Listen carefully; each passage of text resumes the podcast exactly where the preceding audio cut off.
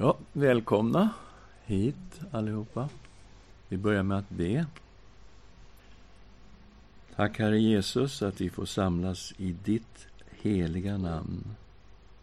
Och du är här mitt ibland oss. Och vår bön är Herre att du fyller oss med din heliga Ande. Att du öppnar våra ögon, våra sinnen. Vi ber om nåd att du talar till oss ifrån ditt ord. I Jesu Kristi namn. Amen. Ja, som vi sa förra gången är ämnet Saltaren och Nya testamentet. Och varför detta ämne? Och Det har att göra med att Saltaren är citerad ofta i Nya testamentet. Och även Jesus citerade ju Saltaren.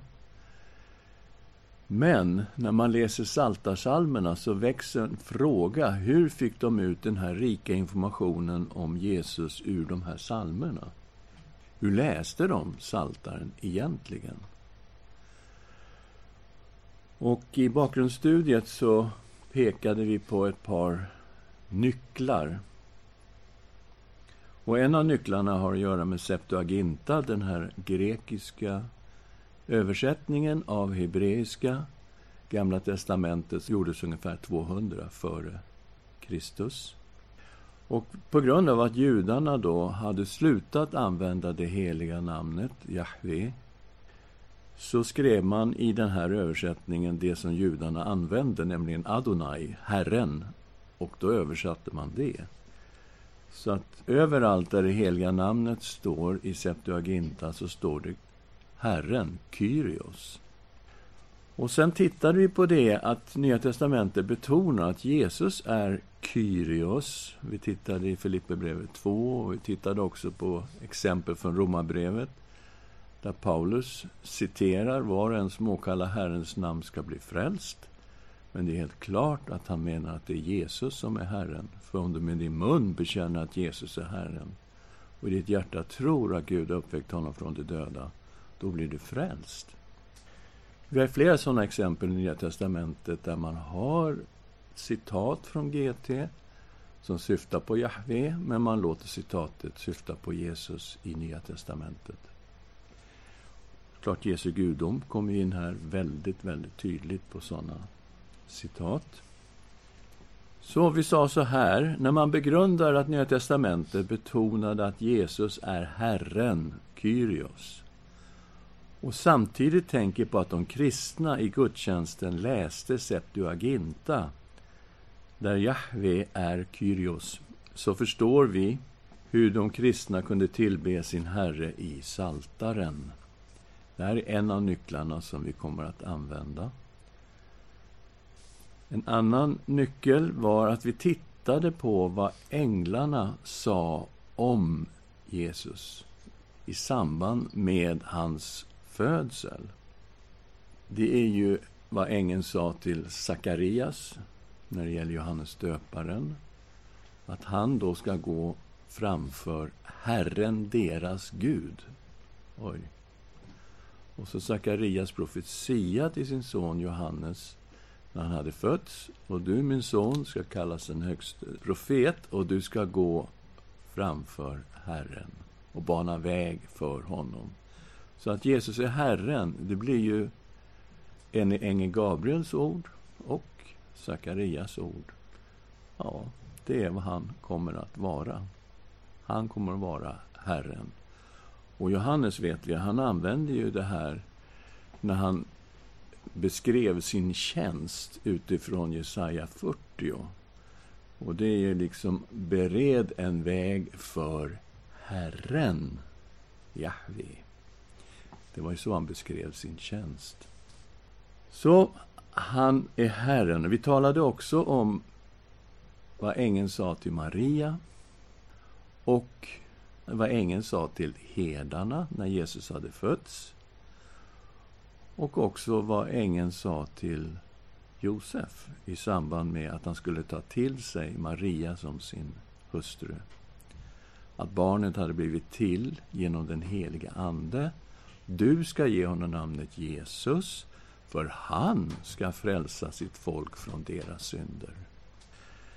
Så vi såg där, när vi tittade lite eh, sammanställt på vad ängeln hade sagt. Jesus är en frälsare. Han är Herren.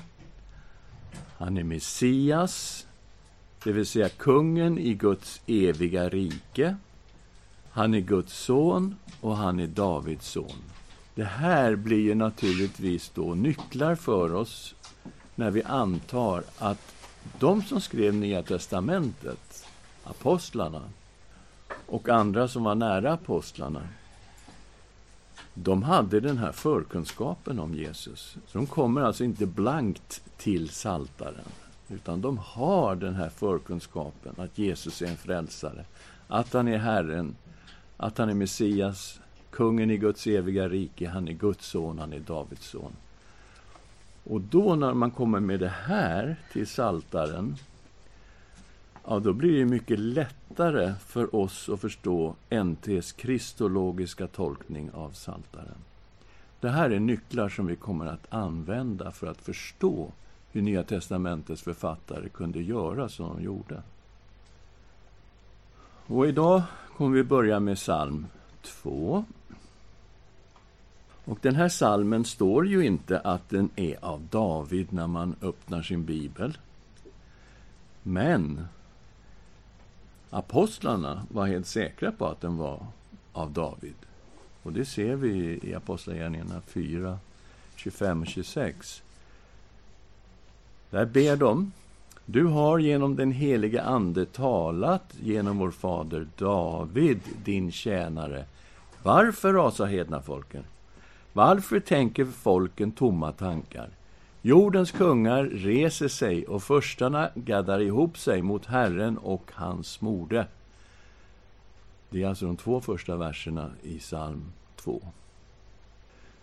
Och de är helt bombis på att det här kommer ifrån David. Så då antar vi att det här är en psalm av David, för det ansåg man på Jesu tid att det var. Vi vet också att man ansåg att psalm 2 var en messiansk psalm. Vi läser den.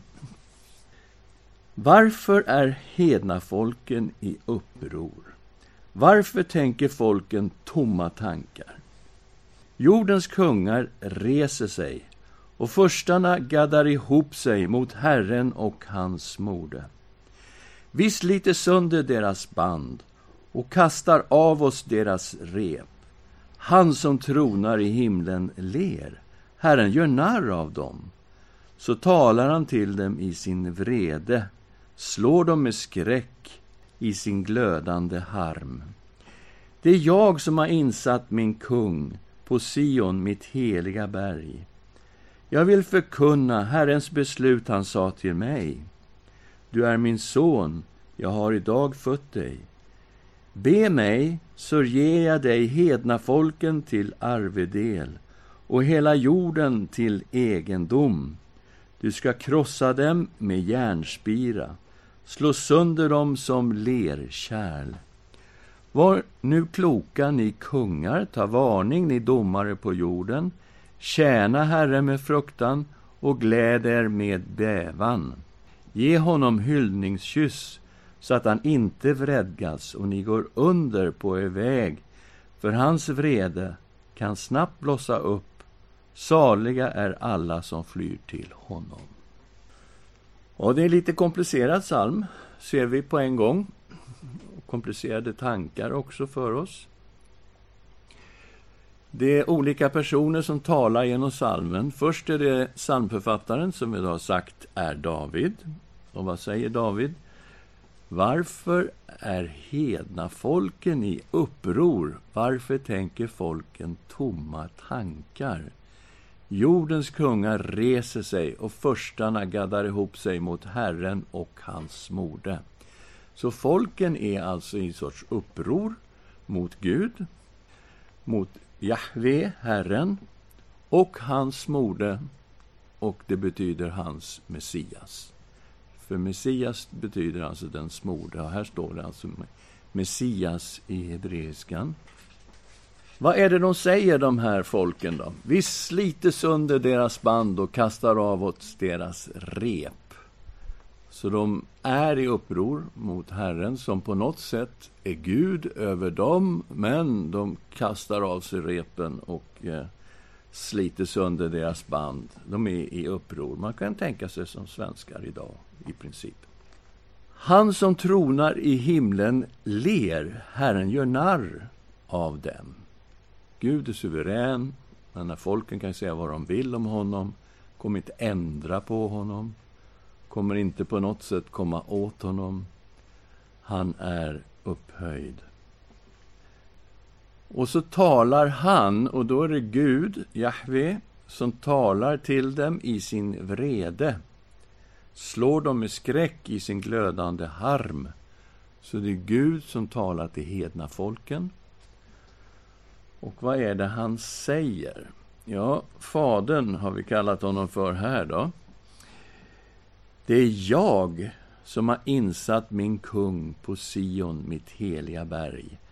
Okej, okay, då förstår vi att det är Herrens mode som är kungen här och att det är Jahve som har insatt sin smorde, kungen, i Jerusalem. Sion är ett namn på Jerusalem, mitt heliga berg.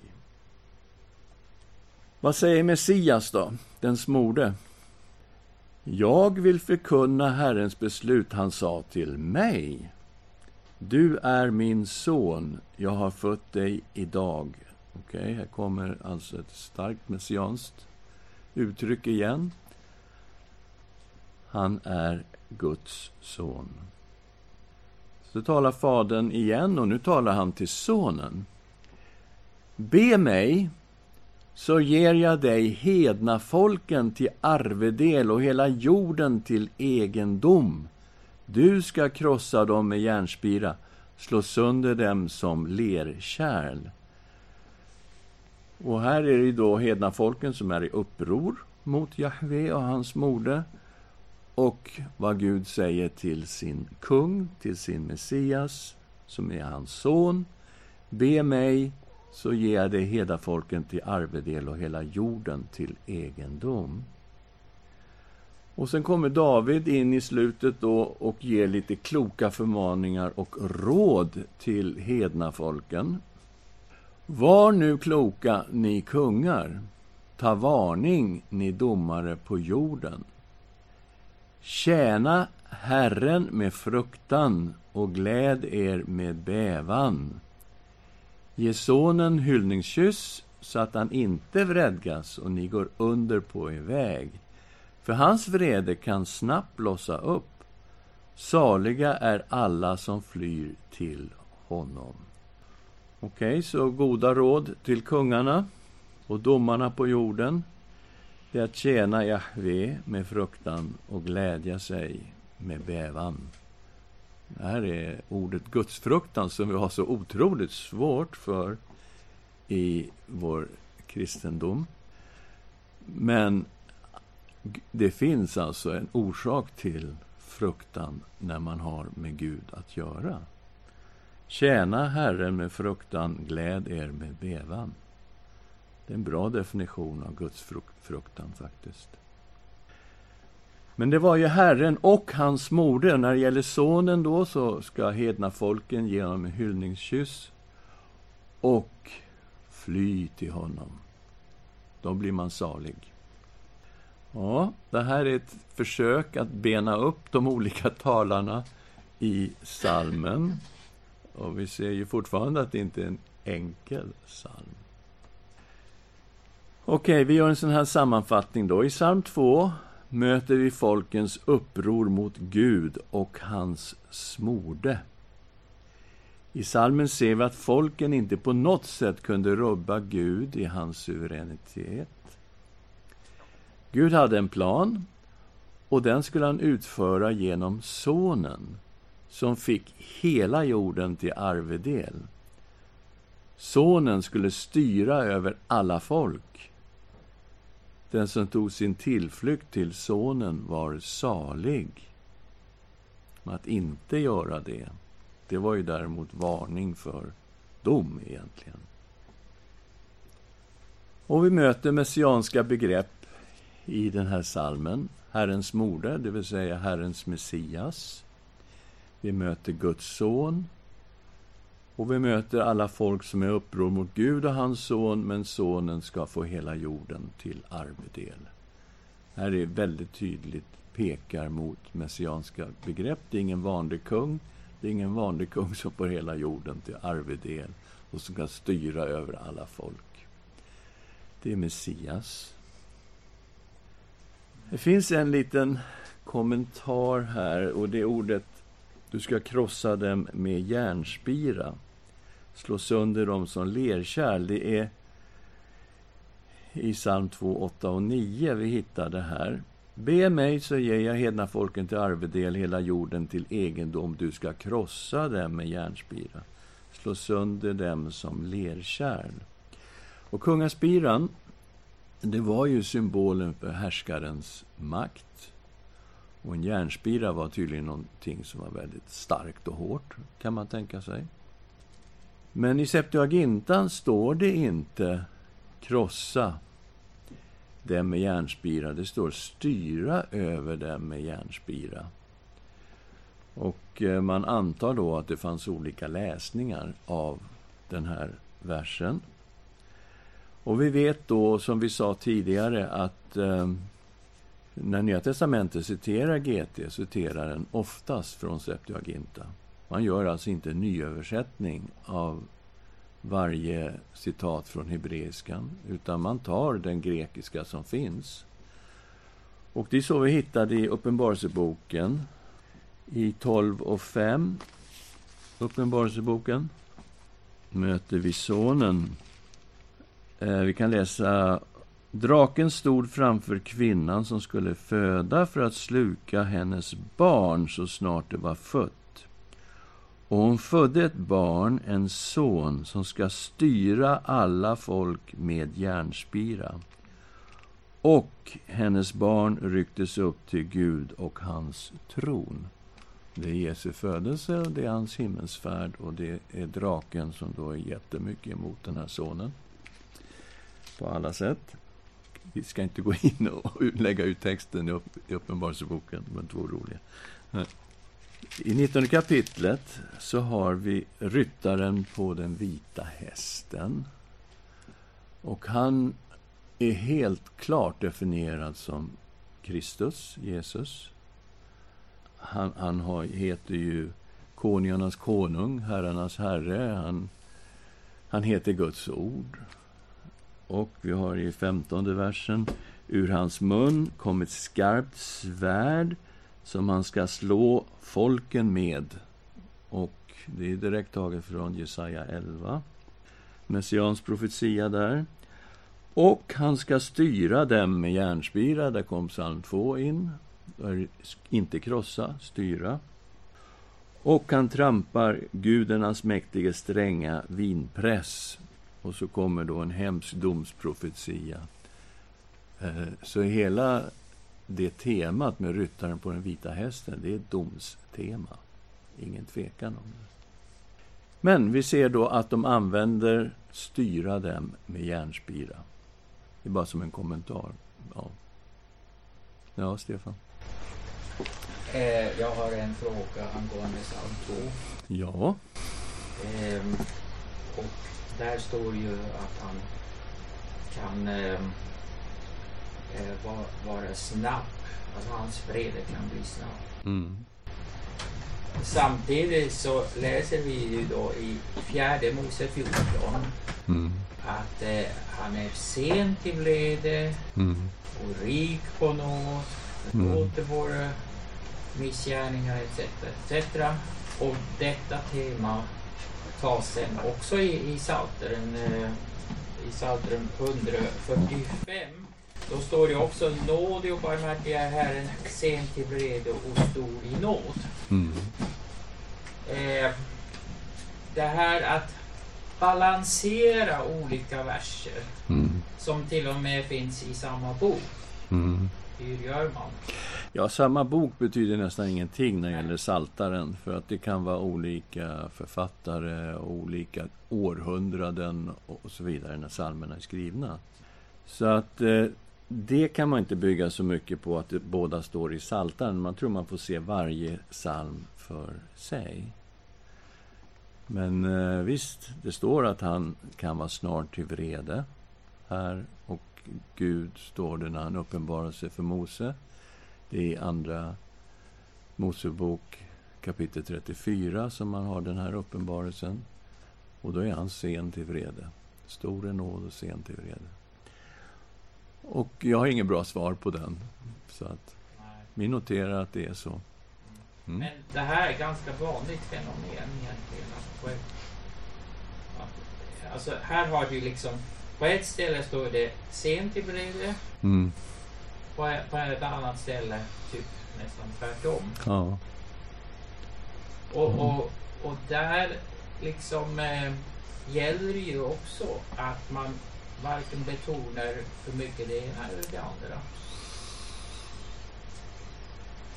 Nej, samtidigt så ser vi att den här uppenbarelsen av Jahve för Mose i Andra Mosebok 34 den är ju en grunduppenbarelse av Jahve. Den är ju oerhört central. Men här är det mera beskrivning av kungen. Akta er ni på jorden. Ni ska inte vara så säkra. Han kan bli väldigt arg. Ja. Den snabba vreden hos Jesus ser vi ju när han drev ut dem ur templet. Då gick det undan. Men eh, ja, det var helig vrede. Ja. Jag tänker på den här fantastiska att Herren blivit till hertighetens fader och all trösts Gud. Ja. Att det liksom är den stora karaktärsbilden av Guds mm. egenskaper. Och, och, och, när det gäller tiden sen så mm. får vi lämna det mysteriet. Ja, ja det, det, så står det. Det är andra Korinthierbrevet 1 du citerar där.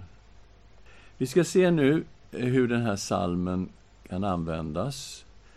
Jag tänkte att vi ska ta ett ställe idag och sen eh, kanske ett par, tre ställen nästa gång. Får vi se.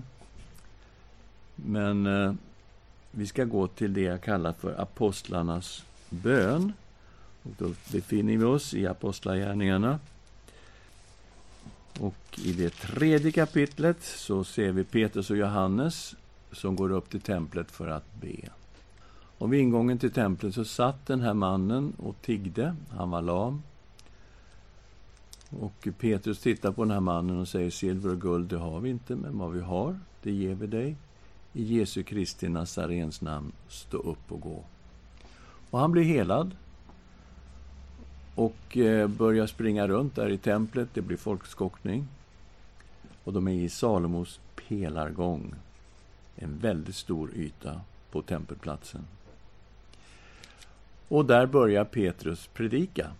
Och han håller den här fantastiska predikan eh, som vi gick igenom i gudstjänsten här när vi talade om vem är Jesus i Apostlagärningarna. Då gick vi igenom den här predikan noggrant. Och så kommer tempelvakterna eh, och de arresterar Petrus och Johannes och faktiskt den här mannen också som har blivit helad och ställs inför Stora rådet och nu ska de stå till svars för vad de har sagt och gjort och varför det har blivit folkskockning i templet. Störde ordningen, så att säga. Och Petrus han eh, fylls av den heliga Ande och säger ni ska veta att det är i Jesu namn som den här mannen har blivit botad. Och Jesus han är stenen som ni byggnadsarbetare kastat bort, men som har blivit en hörnsten. Och han citerar då från psalm 118, här, Petrus. Och så säger han detta sanslösa då att det finns inte frälsning i något annat namn än i Jesu namn. Det enda namnet som är givet under himlen genom vilket vi blir frälsta. Och vi noterade att Petrus faktiskt säger att Jesus är sann Gud här. Eftersom det står i Joel 2.32 att var och en som åkallar Herrens namn ska bli frälst. Och i Joel står det ju Jahve. Och var och en som åkallar Jahves namn ska bli frälst. Och då finns det bara frälsning i Jesu namn. Oj, tänker man, Petrus kanske inte kunde versen, men så visar det sig att han predikade över den versen på pingstdagen. Så, ja, det blir bara då slutsatsen. Han måste vara sann Gud och sann människa i samma person. Vad blir det för resultat av detta då? Ja, lärjungarna förbjöds att tala i Jesu namn. Så här står det i Apostlagärningarna 4, 18-21. De kallade in dem och förbjöd dem att alls tala eller undervisa i Jesu namn. Totalt förbud, alltså. Men Petrus och Johannes svarade dem, bedöm själva om det är rätt inför Gud att lyda er och inte Gud. Okay. Vi för vår del kan inte hålla tyst med vad vi har sett och hört. Ja, vi är ögonvittnen. Vi har varit med. Och vi kommer att fortsätta att berätta vad vi har sett och hört. Då hotar de dem igen och lät dem sen gå. För folkets skull kunde de inte komma på något bra sätt att straffa dem eftersom alla prisade Gud för det som hade hänt. Och så kommer då den här bönen. Nu är vi inne i fjärde kapitlet. Och det är från 23 till 31. Och i 23-24 läser vi När de blivit frisläppta gick de till sina egna och berättade allt vad översteprästerna och de äldste hade sagt till dem. De gav alltså en full rapport om vad som hade hänt där i Stora rådet. Och naturligtvis att de nu var förbjudna att predika i Jesu namn. Och vad gör de troende då? När de hörde det ropade de tillsammans till Gud och bad Herre, du som gjort himmel och jord och hav och allt som finns i dem. Och Petrus hade ju ställt fram det här. Ska vi lyda Gud eller ska vi lyda er, liksom, här i Stora rådet? Ja, vem är Gud? Ja, han är den som har skapat himmel och jord. Alla folk, allting är under honom. Och det är precis det här vi ser i psalm 2. Att Gud råder över alla människor. Och det här är ett citat, den första delen av bönen, ett annat citat från Saltaren. Det är psalm 146, vers 6. Om Gud som har gjort himmel och jord och hav och allt som finns i dem. Så kommer vi in till våran psalm 2. Och nu är vi här i vers 25 och 26. Du har genom den heliga Ande talat genom vår fader David, din tjänare. Varför rasar hedna folken? Varför tänker folken tomma tankar? Jordens kungar reser sig och förstarna gaddar ihop sig mot Herren och hans morde. Och det här var alltså ett ganska vanligt sätt för judarna att göra det på. Man citerar inte hela salmen, men man menar hela salmen när man börjar så att säga med ettan. Det är lite grann som Jesus på korset. va? Min Gud, min Gud, varför har du övergivit mig? Första versen i psalm 22. Och när man sen går igenom psalm 22 så beskriver ju den en korsfästelse och väldigt specifikt Jesu korsfästelse. Fantastiska detaljer. De delade mina kläder mellan sig och kastade lott om min klädnad och sådana här saker.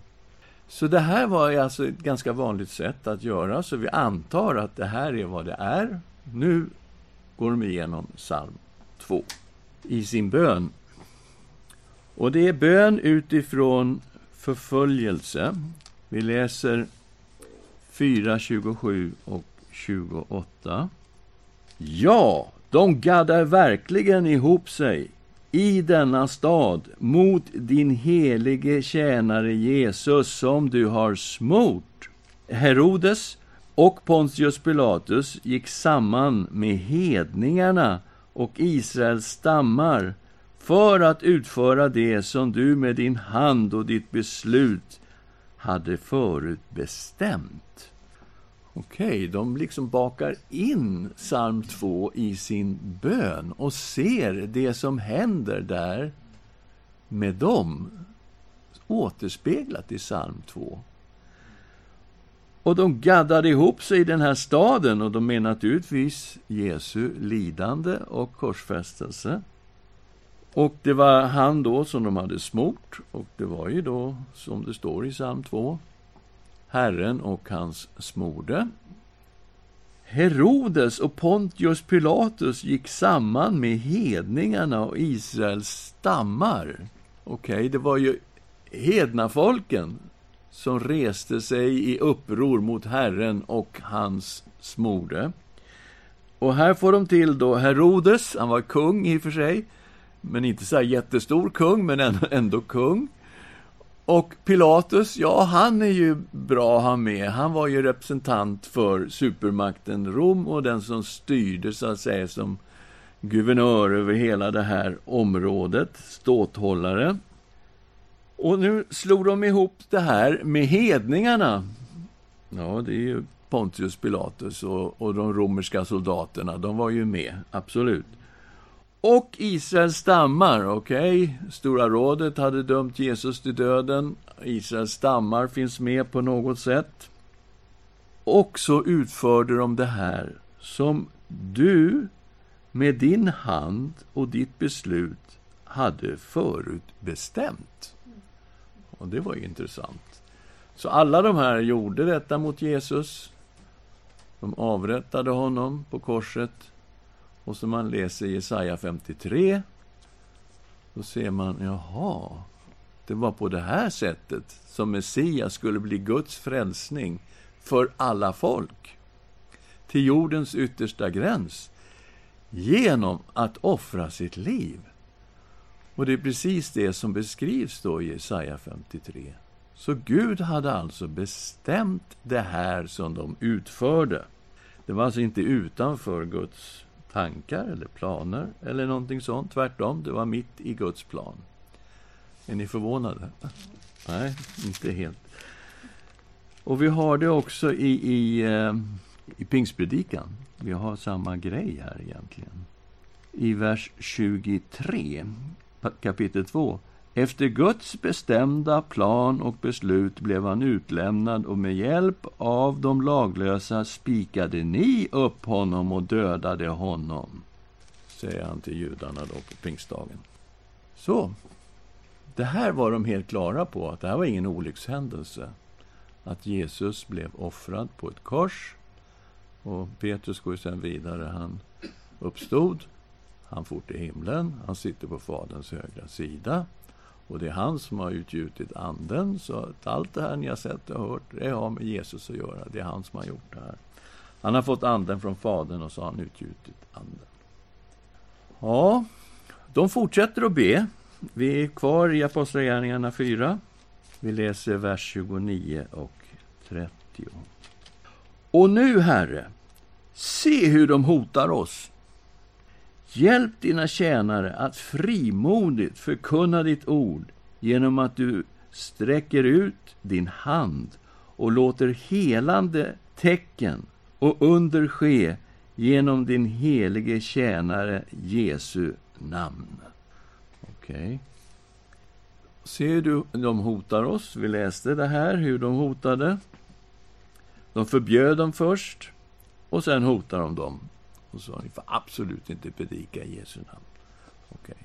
Nu har de gått igenom det här, vad som har hänt. De har känt igen sig själva i psalm 2. Vi är i den här situationen. Och se nu, Herre, nu kommer bönen, hur de hotar oss. Och vi ber om två saker. Vi ber om frimodighet. De har ju förbjudit oss. Men nu ber vi om frimodighet. Att förkunna ditt ord, det ber vi om. Och vi ber att du ska bekräfta ditt ord genom tecken och under. Låt det ske. Under i Jesu namn.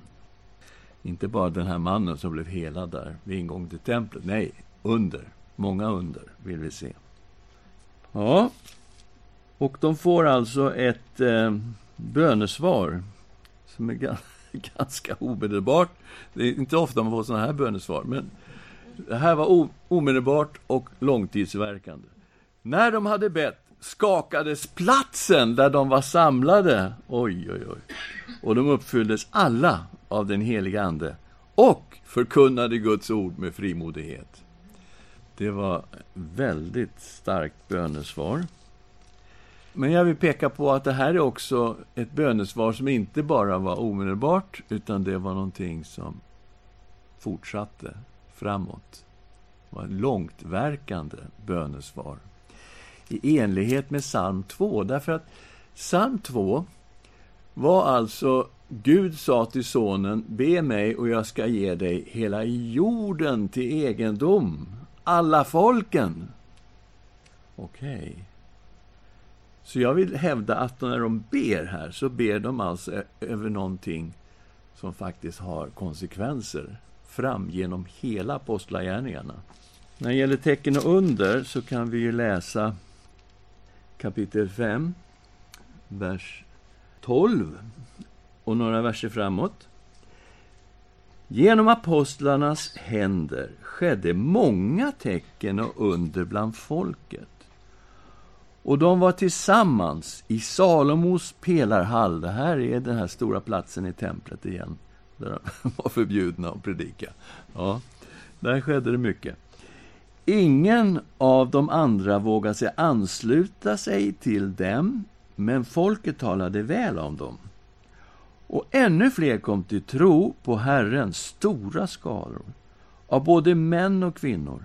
Man bar till och med ut de sjuka på gatorna och lade dem på bäddar och bårar för att åtminstone Petrus skugga skulle falla på någon av dem när han gick förbi.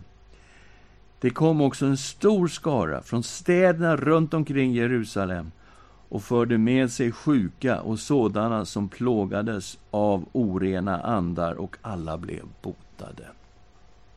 Och till och med då Judeen, städerna runt om i Judeen. Och vi har Jesu ord från Apostlagärningarna 1 och 8. När den heliga Ande kommer över er ska ni få kraft och bli mina vittnen i Jerusalem och Judeen och Samarien och till jordens yttersta gräns.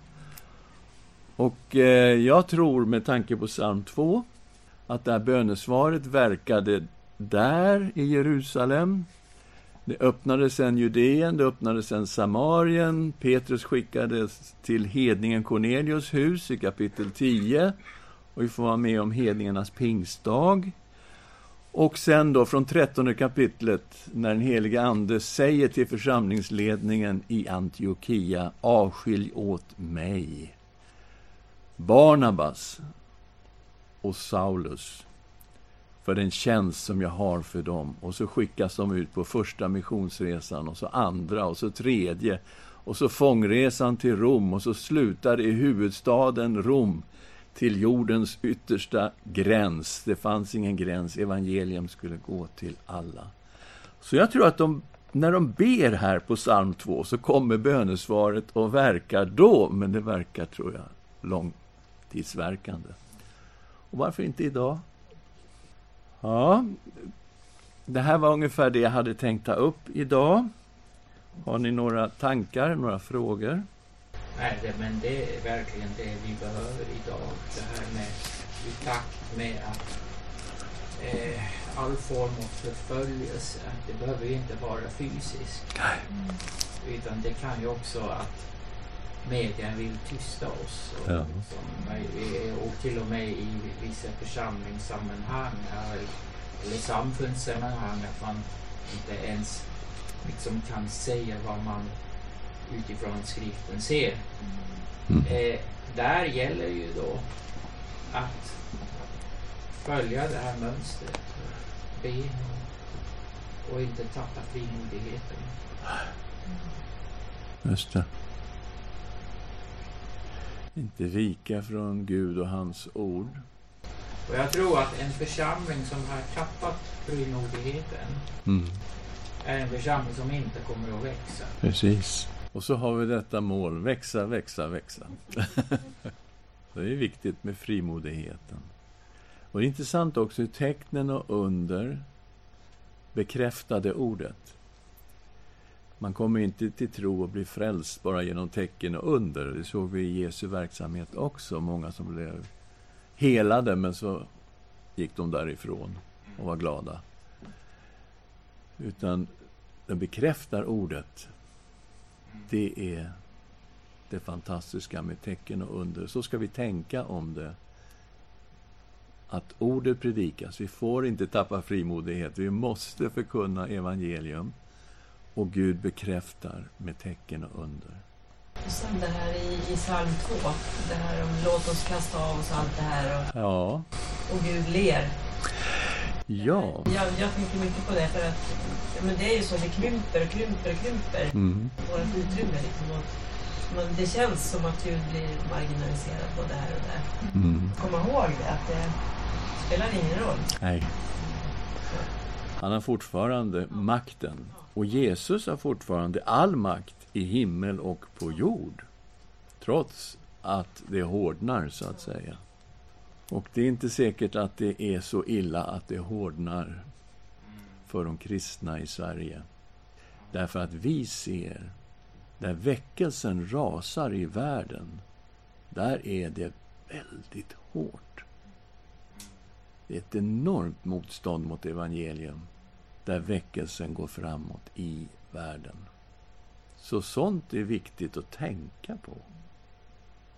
Ska vi be tillsammans? Tack, Herre, för ditt heliga ord. Tack för psalm 2.